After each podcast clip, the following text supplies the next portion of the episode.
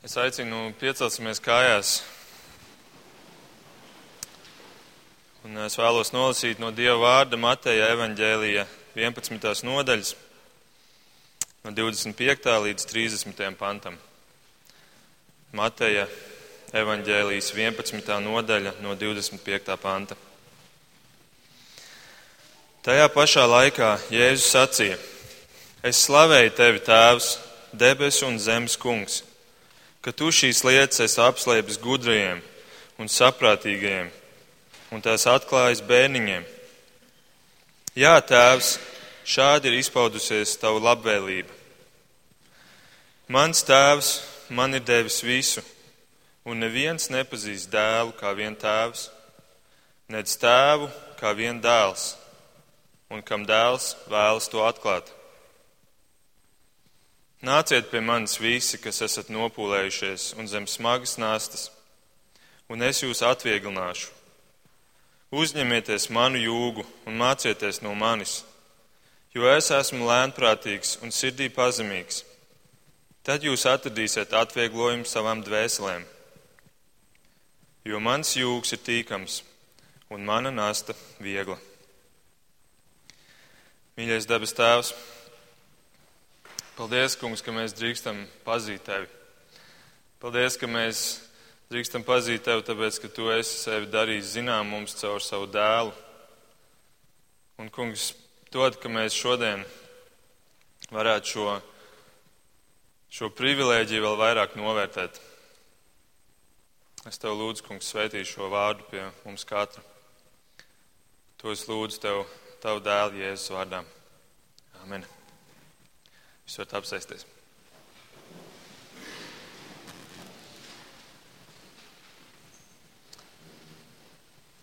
Varbūt šajā visā mūsdienu, um, jeb šodienas kontekstā ar um, šo kārtējo traģēdiju, kur kāds vai kādi cilvēki šķietami Dieva vārdā iet un dara briesmīgas lietas, es vēlos sākt ar visvienkāršāko un visplašāko patiesību, kas ir zināma mums pasaulē par to vienīgo un patieso Dievu.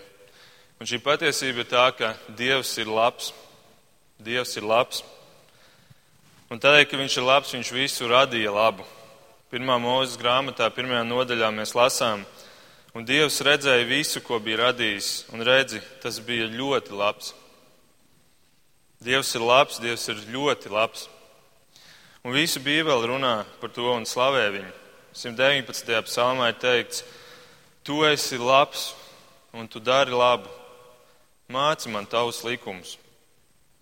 Vai 136. psalmā pateicieties kungam, jo viņš ir labs, uz mūžiem viņa žēlastība. Un arī jaunajā derībā autori to uzsver atkal un atkal. Piemēram, Jēkabs pirmajā nodaļā, 17. pantā. Jebkurš labs devums un jebkura pilnīga dāvana nāk no augšienes, no gaismas tēva, kas ir pastāvīgs un nav mainīgs kā ēna. Lūk, Dievs ir labs un šī labestība nemainās, viņš nemainās. Un 1. Timoteja 4.4 teikts, it viss, ko Dievs ir radījis, ir labs. Dievs ir labs un viņš radījis cilvēku, ar kuru viņš varētu dalīties šajā labestībā. Cilvēku, kurš varētu kļūt par šīs labestības dalībnieku. Un Dievs deva šim cilvēkam visu. Viņš deva viņam skaistu un spējīgu ķermeni. Viņš deva spēju just Viņš deva šīs maņas, garšu, ožu, redzi, dzirdi, tausti, lai viņš varētu just to labestību, ko Dievs ir līdz šajā pasaulē. Un pat tiem cilvēkiem, kuriem, kur varbūt ir piedzimuši ar ķermeni, kas varbūt nav dots pilnvērtīgs, arī tādiem cilvēkiem ir tik daudz ko slavēt.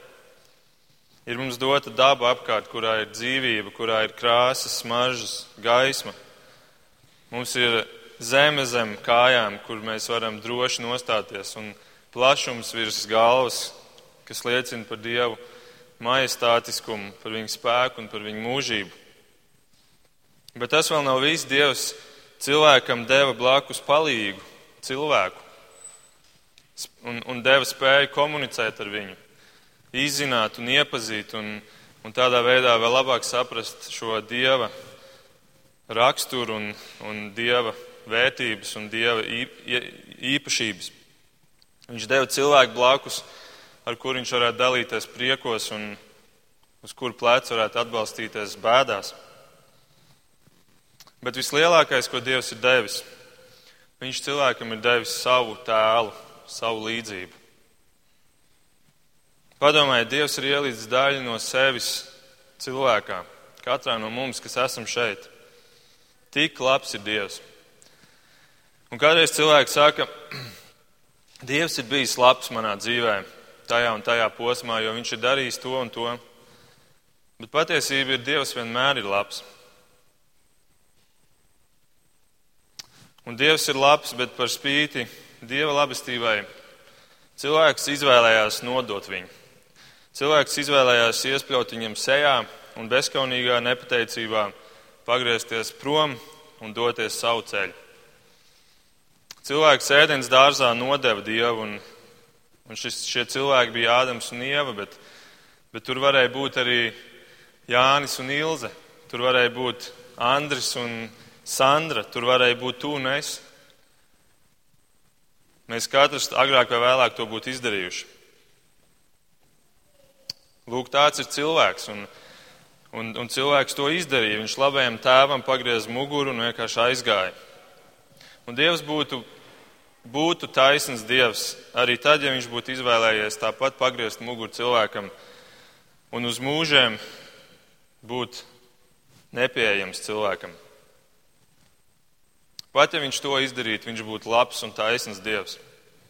Pēc tik neticām un tik bezskaunīga pazemojuma. Bet nē, viņš izvēlās doties pakaļ cilvēkam. Viņš izvēlās iet un aicināt cilvēku atpakaļ pie sevis.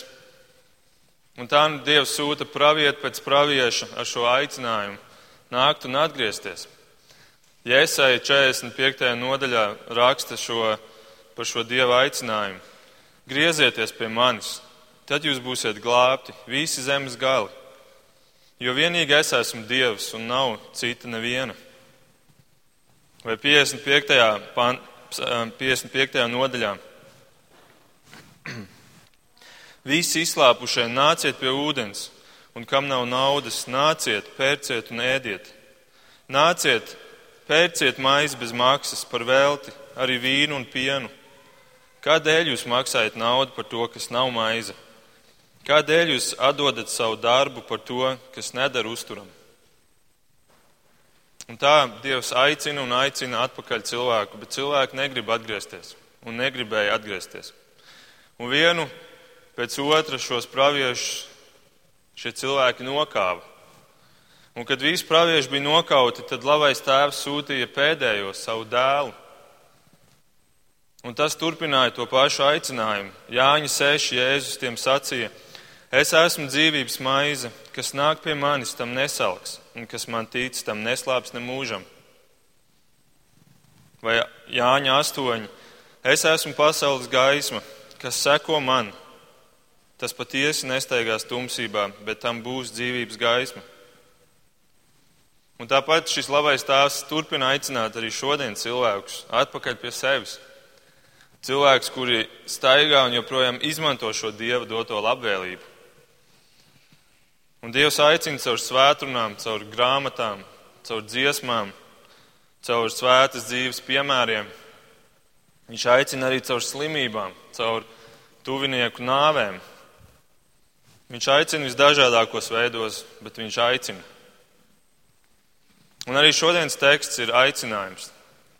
Šāds pats aicinājums, ko Dievs sūta tiem, kuri lasa to, kuri saņem to mums šodien.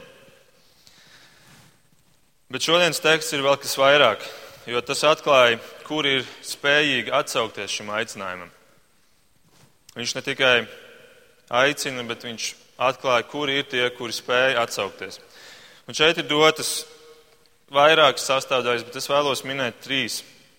Trīs sastāvdaļas, kas ir tiem cilvēkiem, kuri spēj atsaukties Dieva aicinājumam. Pirmās divas sastāvdaļas ir nosacījumi. Un trešā sastāvdaļa ir rezultāts, jeb ieguvums, jeb sekas. Un pirmais ir pazemība. 25. un 26. pantā Jēzus saka, Es slavēju tevi, Tēvs, debesu un zemes kungs, ka tu šīs lietas esi apslēpis gudrajiem un saprātīgiem un tās atklājis bērniņiem. Jā, Tēvs, šādi ir izpaudusies tava labvēlība. Un redzēt, interesanti ir pirmkārt tas, ka šeit Jēzus slavē Dievu. Par ko viņš slavē? Par to, ka Dievs, ka šis tēvs izpauž savu labvēlību. Viņš turpina to darīt. Šis ir atkal viens no veidiem, kā Dievs izpauž savu labvēlību. Bet kā viņš to dara? Kā viņš izpauž šo labvēlību?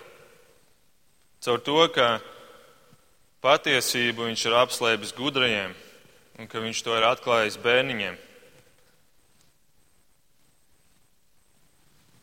Un te nav runas, protams, par to cēlo un patieso gudrību, bet šeit ir runa par šo paštaisno, paštaisno gudrību, ar kuru cilvēks pagriež, pagriezis muguru, domā, ka tagad var doties pasaulē un dzīvot pats savu dzīvi bez dieva. Tad tas, ko Jēzus šeit lieto, ir sarkasms. Viņš saka, ka tie, tiem gudriem tu esi apslēpts tēvs. Tie tie, kur ir aizgājuši no tēva, tāpēc ka šī čūska ēdenē ir apmānījusi viņus un piedāvājusi tādu gudrību, kas pašiem ļautu atšķirt labu no ļauna. Un priekš kam tad vajadzīgs vēl ir tēvs, priekš kam vajadzīgs dievs? Ja man tagad ir pašam šī gudrība, es pats tagad varu iet un vērtēt visu pēc, pēc saviem kritērijiem, jo man ir dota šī spēja pašam atšķirt labu no ļauna. Un tā nu šie cilvēki, šie gudrie, aiziet no dieva, atstājot tēvu aiz muguras un dodas dzīvē paši savā gudrībā.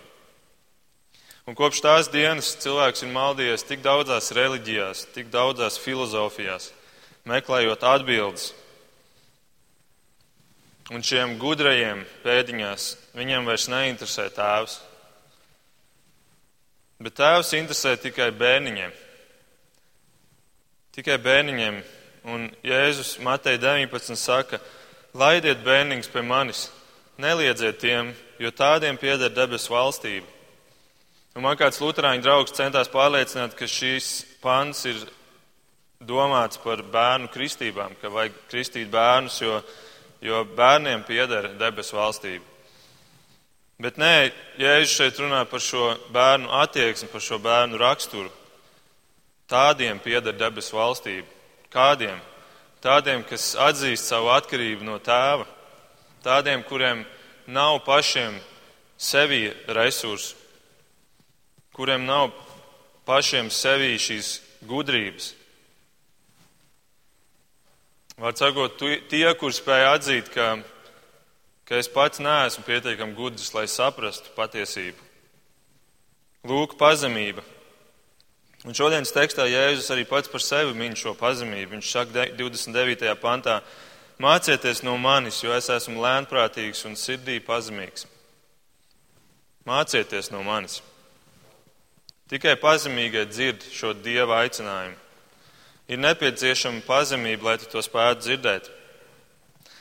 Atcerieties Kalnu svētrunā laimīgi garā nabagie, jo tādiem pieder debesu valstība. Šī garā nabadzība iezīmējas šīs pašgudrības trūkumā.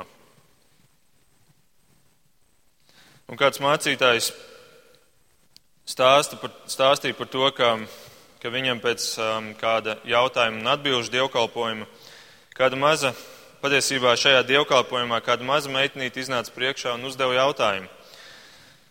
Mācītāji vai bēbīši un garīgi neattīstīti bērniņi, kuri nomirst, nonāk debesīs? Un šis mācītājs Atbild viņai, jā, jo viņiem nav iespējas izdarīt šo izvēli, atsaukties šim aicinājumam. Un tad tas dievkalpojums beidzās, un šis mācītājs vestibilā stāv un sarunājās ar kādiem cilvēkiem, un pienāk šī meitenīte ar savu mammu pie rokas. Un šī meitenīte ir ar smaidu sejā, priecīga un, un ar spīdošām actiņām. Un tad šī mamma paskaidro, ka, ka meitnītē pirms kāda laika piedzimis mazais brālīts. Un brālīts ir garīgi nepilnīgi attīstījies, attīstīts. Un meitnīte ļoti uztraucoties par to, ka, ka šis viņas mazais brālītis nenonāk šo debesīs, jo viņš nesaprot Jēzus evaņģēlīju. Un ka viņi vadot viņu uz, uz svētdienas skolu un viņi lasot viņam bībeli priekšā, bet ja viņš nesaprot to, vai viņš nonāks debesīs. Un tad mācītājs viņai teica, tu vari būt droša, mīļā, jo tavs brālītis ir vislabākais piemērs, kādus cilvēkus Dievs glābi. Tos, kuriem pašiem nav resursu sevī tos, kuri saprot un atzīst to, ka viņi nespēja būt pietiekami gudri, lai paši to izdarītu, lai paši saprastu.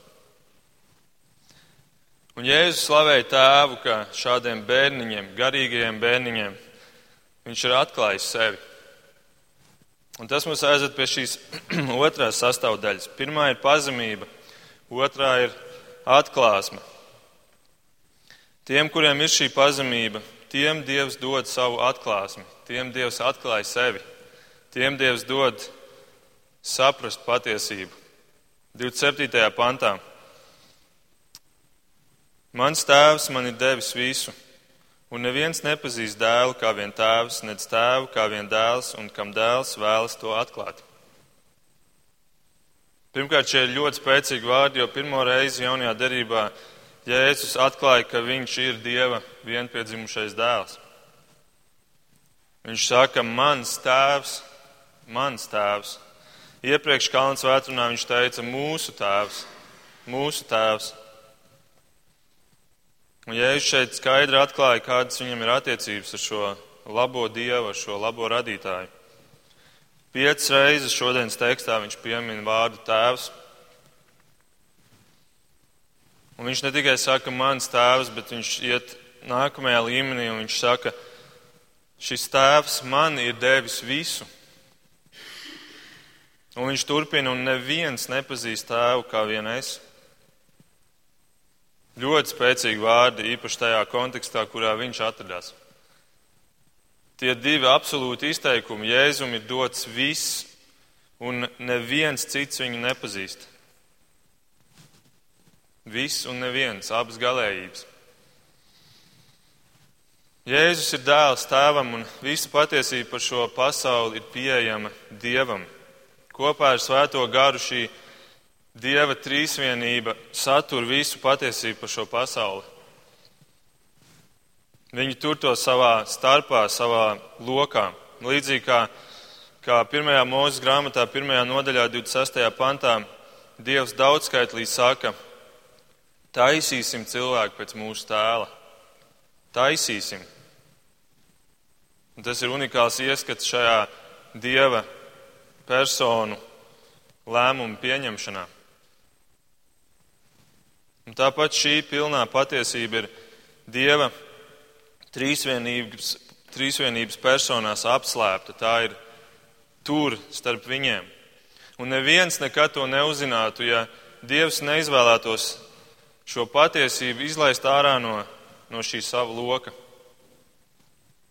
Bet viņš ir labs tēvs, un viņš izvēlējās to darīt, un viņš sūtīja savu dēlu Jēzu, kurš, kurš varētu teikt, pagriezās no šī loka un iznāca ārā un, un padarīja to zināmu cilvēkiem.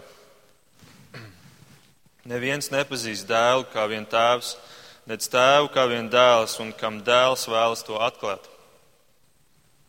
Dēls izvēlas atklāt tēvu cilvēkiem, tiem cilvēkiem, kur ir pazemība, kuri atzīst, ka, ka viņu gudrība nespēja aizvest līdz galamērķim. Un dēls iet un atklāja to cilvēkam, un, un šis dēls, šis dievs ietērpās cilvēku tēlā, lai varētu glābt cilvēku, kurš bija veidots dieva tēlā.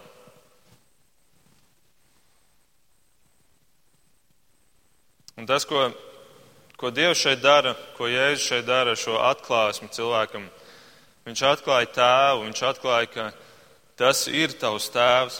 Cilvēki, kuri netic dievam, tiem viņš saka, bet tas ir tavs tēvs, tas ir tas tēvs, kurš tevi ir radījis, kura dēļ tu esi šodien šeit. Viņš atver cilvēkam acis, lai pateiktu, ka tas ir tas tēvs, no kura tu esi aizgājis. Un tikai tādēļ cilvēks spēj sadzirdēt un atsaukties aicinājumam. Atgriešanās nāk caur šo pazemību, kura, kur atzīst, ka, kad es esmu bedre, nevis skaists uzbērts kalns. Es esmu bedre un man ir vieta, kur var nākt šī dieva atklāsme. Un cilvēki reizēm saka, nu tad es esmu beidzot sapratis dievu, es esmu atgriezies pie dieva, jo es esmu sapratis to. Neviens cilvēks nespēja saprast, dievs to atklāja. Jēzus saka, ka tēvu pazīst tikai tas, kam dēls vēlas to atklāt, kam viņš to atklāja. Un kāds varbūt šeit teiks, bet šis izklausās pēc izredzētības. Dēls vēlas to atklāt. Tas ir domāts tikai dažiem izredzētajiem. Atbildi nākamajā teikumā, 28. pantā. Nāciet pie manis visi, kas esat nopūlējušies un zem smagas nastas, un es jūs atvieglināšu. Nāciet visi, lūk, aicinājums ir visiem. Nāciet visi, tas ir tas skaistais paradoks, ka dēls atklāja tiem, kuriem viņš vēlas. Tā ir tā dieva puse. Un nāciet visi, tā ir tā cilvēka puse, kur mēs redzam. Viņš gan aicina, nāciet visi, un tomēr viņš ierobežo pēc tam, kur ir domāti šie visi. Nāciet visi, kur esat nopūlējušies un zem smagas nastas, un es jūs atvieglināšu. Tātad tie, kuri ir nopūlējušies un zem smagas nastas, ko tas nozīmē? Kas ir šie cilvēki? Un, protams, primāri Jēzus runāja šeit par Izrēlu, kas bija nokrauts ar, ar rakstu mācītāju un farizēju nastām, gan dažādiem nodokļiem, gan dažādiem neizpildāmiem likumiem, gan dažādām grēku izpirkšanas nastām un veidiem. Bet vienlaikus, protams, šī mācība iet pāri laikiem un, un robežām, un šī mācība ir domāta arī mums šodien. Kas ir šie nopūlējušies? Ko nozīmē šī nopūlēšanās? Es ticu, tas nozīmē tie tie cilvēki, kuri ir bijuši skrējienā, kuri ir bijuši meklējumos, lai atrastu atbildi. Kas nemeklē, tas neatrod. Meklēšana ir nopūlēšanās. Varbūt kādam tas ceļš ir vedis cauri citām reliģijām, varbūt caur filozofijām, Bet citas reliģijas un filozofijas un gudrības ir pieturs, un Kristus ir gala punkts. Visu reliģiju piepildījums ir Kristus, kristētība. Patiesībā kristētība nemaz nav reliģija. Jo reliģija māca, ka tev ir jānopelna, tev ir jādara kaut kas, lai dievam tu būtu pietiekami labs. Bet kristētība māca pretējo, ka tu to nespēji izdarīt un to ir izdarījis kāds cits tavā vietā, kurš spēj to izdarīt, un tādēļ tici viņam, atzīst savu nespēju saprast to pašam. Nu, lūk, un bez šīs pūlēšanās, bez šīs meklēšanas tu nespēji izprast. Ir vajadzīga šī pūlēšanās, ir vajadzīga interese. Te, te nav runas par vienaldzību. Vienaldzīgi cilvēki nemeklēs un nepūlēsies. Bet kā Lūkas raksta, vīrs, kas raka dziļi un pamatu likus klints, rakt dziļi nav viegli un ātri, tā ir nopūlēšanās. Rakt dziļi klintī, tas ir vēl grūtāk.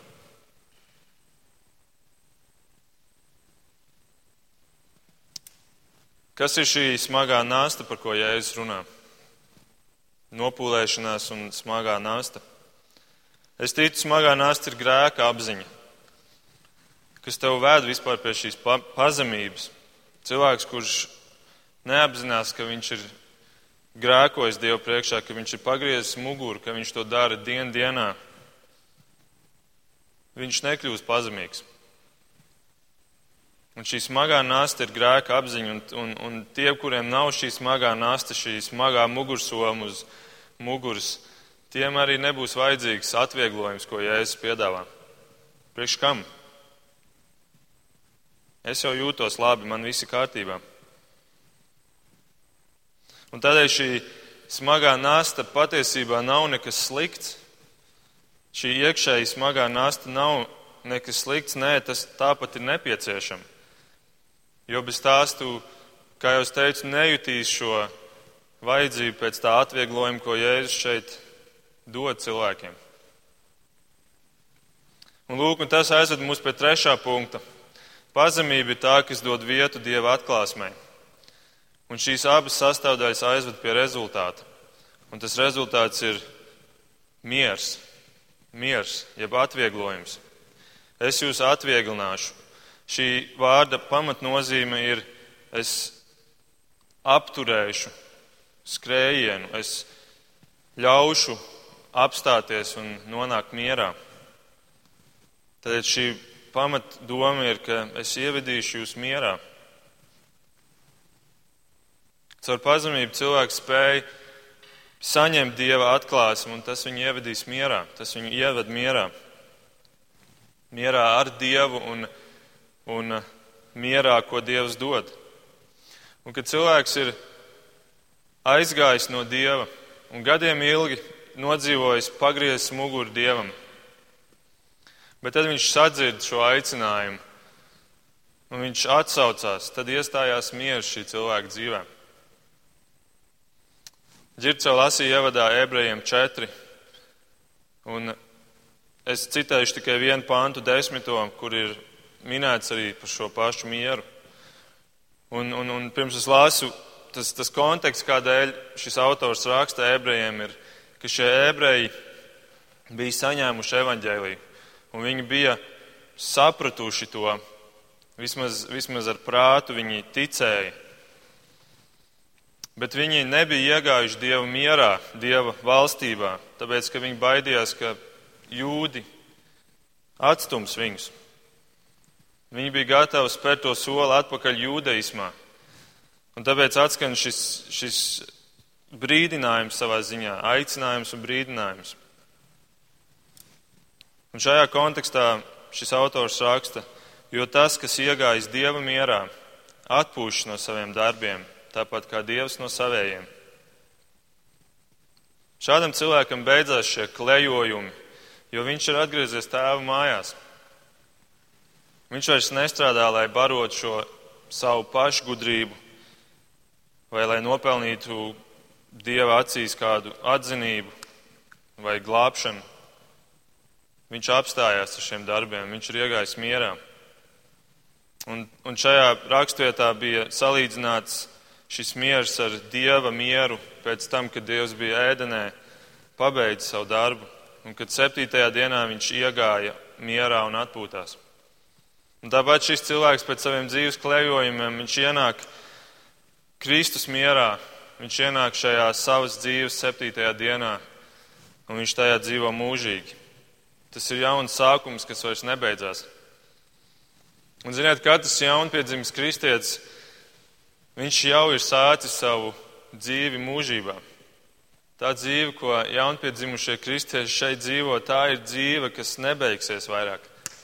Tā ir šī atjaunotā dzīve, kuru nāve vairs nevarēs uzvarēt. Un tādēļ ienāk šis pārdabiskais miers cilvēku dzīvē. Un šis miers izpaužās dažādos veidos, un es ātri pieminēšu pāris veidus un uzdodam sev jautājumu pie katra no šiem veidiem, vai man ir šis miers, vai man ir šis miers. Pirmais ir piedošana. Cilvēks, kurš ir iegājis šajā mierā, viņš, viņš spēja piedot citiem cilvēkiem. Tāpēc, ka viņš pats ir saņēmis piedošanu no tēva. Un viņš arī vairs neapvainojās par to, ka citi cilvēki aizskar viņu, jo viņš saprot, kāds, kādā stāvoklī viņš ir bijis un no kāda stāvokļa viņš ir izglābts. Tāds ir šis miers. Cits miers ir, cita miera veids ir pateicība. Cilvēks, kurš ir pateicīgs, viņš, viņš būs pilnīgi citādāks cilvēks nekā tas, kurš dzīvo ar, ar kādu nepateicības daļu sevī.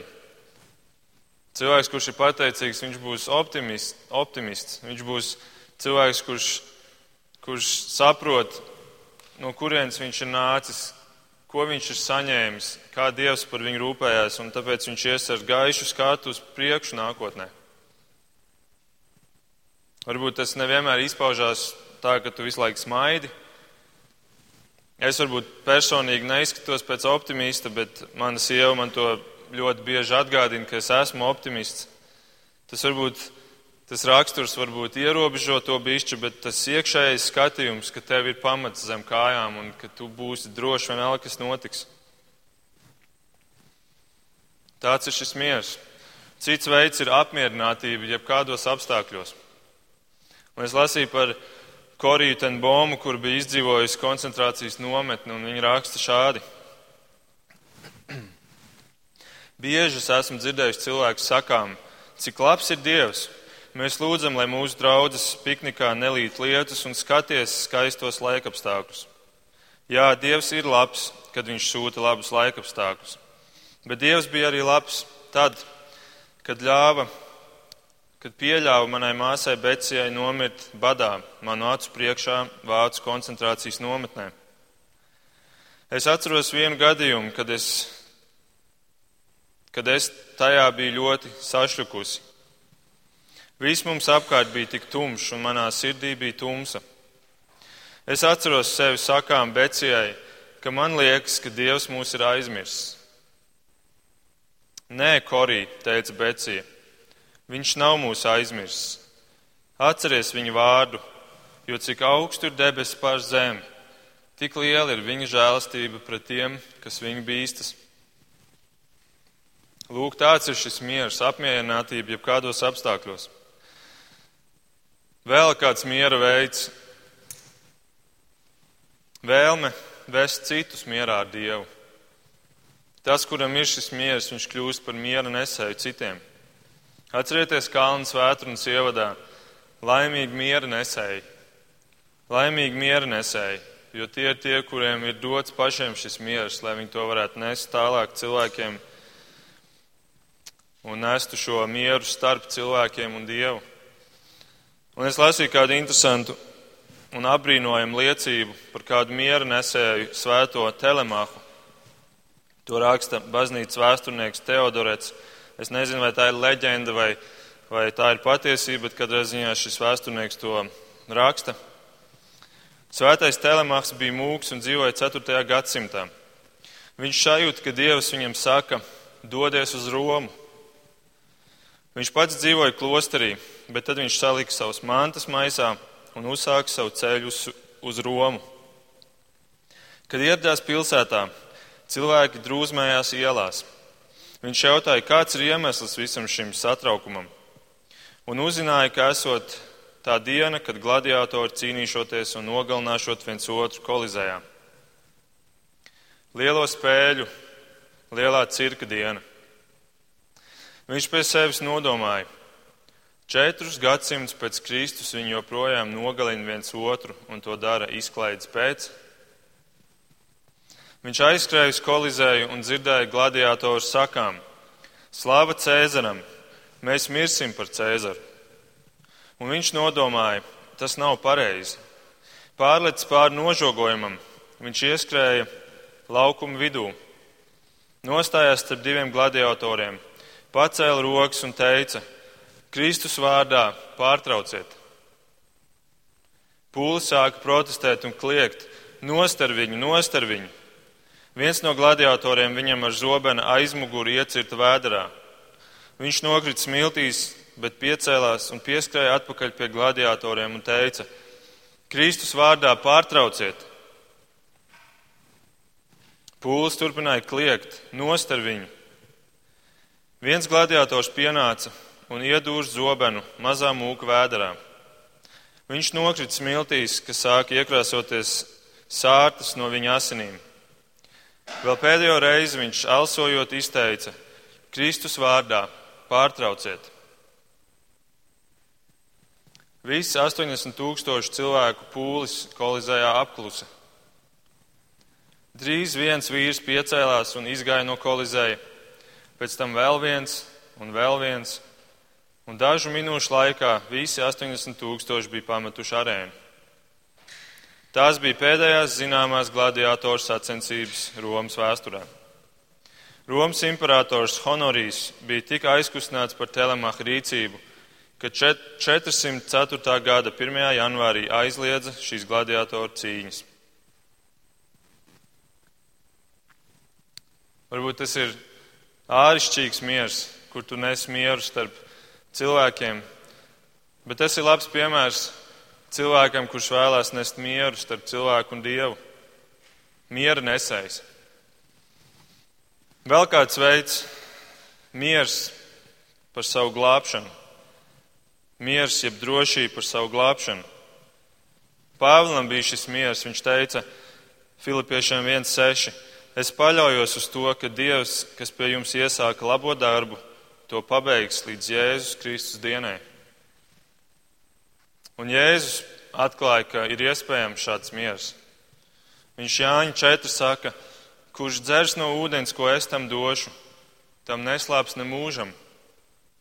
Ūdens, ko es tam došu, kļūs viņā par ūdens avotu, kas vērt mūžīgai dzīvībai.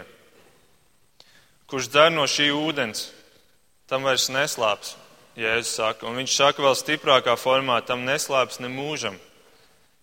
Tas, kurš dzer no šī ūdens, tam viņa dzīvē vairs nepienāks tā diena, kad viņam atkal slāps. Tāds ir šis miers. Vēl viens veids ir miers par laicīgo, par naudu, par veselību, par attiecībām. Atcerieties, mēs pirms kādām pāris reizēm runājām par vētru, ka Jēzus guļ šajā laivā un viņš saka, kāpēc jūs neticat un, un, un tā, tā mūsu mācība bija tā, ka Dievs ir tavā laivā, vienalga kāda vētra tev ir dzīvē. Mēs pirms kādām divām nedēļām bijām Igaunijā uz AHA muzeju, kas ir zinātnes muzejs. Un tur ir tāda, tādi, tādi divi balkoni malās un pa vidu trose, kur tu vari pārbraukt ar velosipēdu pāri. Un viņam apakšā ir atsvars tā, ka var arī nenokrist. Un, uh, es arī par to, par to trosi braucu. Un, un, uh, protams, ka tu redzi to bezdibenu apakšā, tas tev rada tādu dīvainu sajūtu. Bet to, tomēr tur pa vidu ir tīkls, kas ir iekarnāts. Tas tīkls ir no maziem, smalkiem diegiem vai šņurēm sapīs, līdz ar to tu viņu neredzi ļoti labi. Bet, ja tu ieskaties, tu vari viņu ieraudzīt. Un, Un šis miers ir tā spēja redzēt šo tīklu mūsu dzīvēm. Kad tu saproti, ka viņš tur ir, kaut arī vieglāk ir ieraudzīt to bezdibenu tur apakšā. Un ir jātrenējas, lai spētu redzēt to. Vēl viens miera veids ir tas, kas mums šobrīd ir aktuāli pasaulē - miers vajāšanās. Vai tas būtu rietumu liberālo likumu dēļ vai austrumu terorisma dēļ, kas sagaida mūs un arī kā kristiešus nākotnē arvien vairāk, es ticu. Bet cilvēkam, kurš ies tam cauri, viņam būs arī turmiers. Pirmām kārtām tāpēc, ka Jēzus jau brīdināja, gaidiet to, ka tas būs. Un tas, kurš to sagaida, tas nebūs pārsteigts. Tam būs miers šajā situācijā. Bet otrkārt, es ticu, ka Dievs dod pārdabisku mieru cilvēkam tad, kad viņam ir jāstājās šādā situācijā. Tātad miers ir tik daudzos veidos, bet patiesībā miers ir iespējams šādam cilvēkam visām. Pāvils 2. tesaloniķiešiem 3 raksta, un pats miera Dievs, lai jums dod mieru visur un visā. Un tas ir tas jautājums mums katram sev, vai man ir šis miers? Vai manu dzīvi raksturo šis miers? Atcerēsimies, ka ir arī iespējams viltus miers, tāds kāds bija tām piecām jaunavām, kuras, apgulās naktī un ar mierīgu sirdi devās gulēt, kaut arī viņām nebija eļļa uzpildīta savās lampās. Ir iespējams tāds miers, viltus miers, kurā tu jūties, ka tev ir kaut kāda veida atvieglojums, bet beigās tā ir tāda pasīva, nevis aktīva ticība. Ticība, kur tu lieto tikai sev, tikai tāpēc, lai tev būtu miers, ka tu nenonāksi mūžīgā pazuš, pazušanā. Bet tā ir ticība bez darbiem, bez augļiem un patiesībā bez šī miera. Un Jēzus nesaka, ka, ka dzīve ar šo mieru būs tāda viegla atpūta, kurā tu vari iegulties krēslā un dzīvot sev. Nē, viņš saka šeit beigās, ņemiet manu jūgu un manu nastu. Jūgs ir tas, kas tiek uzkrauts, vērsim, lai viņš ietu pa to ceļu, pa kuru viņa saimnieks liek viņam iet. Jūgs ir tas, kas liek pakļauties kādam. Un tā ir šī paklausība Kristus pavēlēm. Nāsta ir krusts, tas, kas mums ir jānes katru dienu. Katru dienu mēs uzņemamies šo krustu un nesam to. Bet atšķirība ir tā, ka šis jūgs ir patīkams un šī nasta ir viegla, jo Dievs pats palīdz to nest. Svētais gars mūsos, viņš to dara, viņš dod mums šo spēku un šo prieku to darīt. Un tas ir tas jūgs un tā nasta, ko cilvēks nes mierā. Ļaujiet noslēgt ar jautājumu, vai tu vēlies šādu mieru? Vai tu vēlies šādu mieru savā dzīvē? Ja tu vēl neesi to ieguvis, bet tu vēlies to, tad atzīst savu nespēju dzīvot ar savu gudrību. Atzīst to šodien un neturpin dzīvot savā gudrībā. Nāc pie, krust, nāc pie Kristus, ja tu esi nopūlējies ar savu gudrību, kur nenes augļus, un, un ja tā ir nasta, kas, kas tevi nospiež. Nē, es viens no tiem, par kuriem pravietis Jeremija bija spiests teikt, kad viņš rakstīja sestajā nodaļā. Uzlūkojiet dzīves gaitas ceļus un izpētiet, kurš ir senlaikos bijis tas labais, svētības un laimes ceļš. Tad staigājiet pa to, un jūs atradīsiet mieru savai dvēselē. Bet tie atbildēja, mēs negribam pa to staigāt. Un tāda bija arī jūdu atbilde šim Jēzus aicinājumam. Pāris lapus tālāk šī Mateja evaņģēlijā Viņi nogalināja Jēzu, viņi piesita viņu krustā. Viņi pateica nē Jēzus aicinājumam.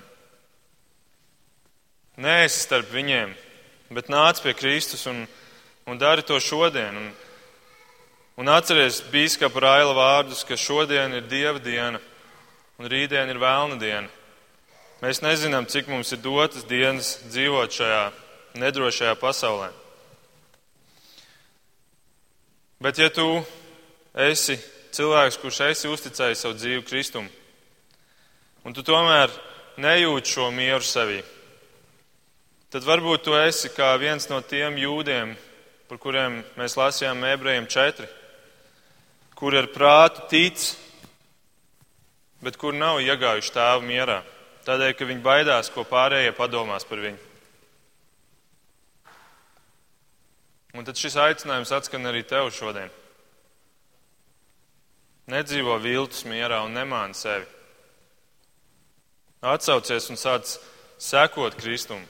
Aicinājums nāc ir aicinājums spērt soli un sekot.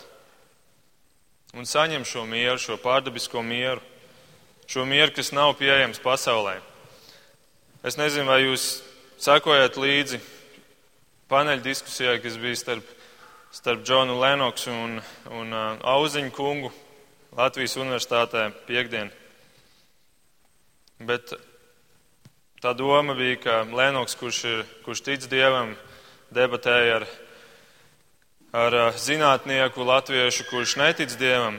Un man patīk šie vārdi, šis viens teikums, ko šis zinātnieks diskusijas beigās uz beigu pusi pateica. Viņš teica, Lenoksam: Es gribētu būt tavā vietā, ticot, ka ir radītājs, jo tas dotu mieru, tas dotu atvieglojumu un komfortu. Bet man šāda luksus nav. Šis pārdabiskais miers tiešām ir luksus. Un šis luksus ir pieejams tiem, kuri ir pazemīgi un kuri atzīst, ka viņi nespēja dzīvot savā gudrībā. Un ļaujiet man noslēgt ar šo īso, skaisto liecību par vīru, kuram bija dots šis pārdabiskais dievu miers. Viens no dieva uzticamajiem misionāriem, Alens Gardiners, piedzīvoja daudzas fiziskas grūtības un pārbaudījumus visas savas kalpošanas laikā. Par spīti savām nepatikšanām viņš teica, kamēr Dievs man dod spēku, neveiksmes nespēs iebiedēt mani. 1851. gadā, 57 gadu vecumā, viņš nomira no slimības un bada, kalpojot Piktonas salā Dienvidamerikas pašos dienvidos. Kad viņa mirstīgās atliekas tika atrastas, viņa dienas grāmata gulēja turpat viņam blakus. Tā nesa liecību par viņa badu, slāpēm, brūcēm un vientulību. Pēdējais ieraksts viņa mazajā grāmatā liecināja par viņa cīņu ar savu trīcošo roku, cenšoties uzrakstīt salasāmu teikumu. Un tas teikums skan šādi: Es esmu pārņemts ar Dieva lielo labestību. Lūk, tāds ir šis miers. Zemosimies lūkšanā.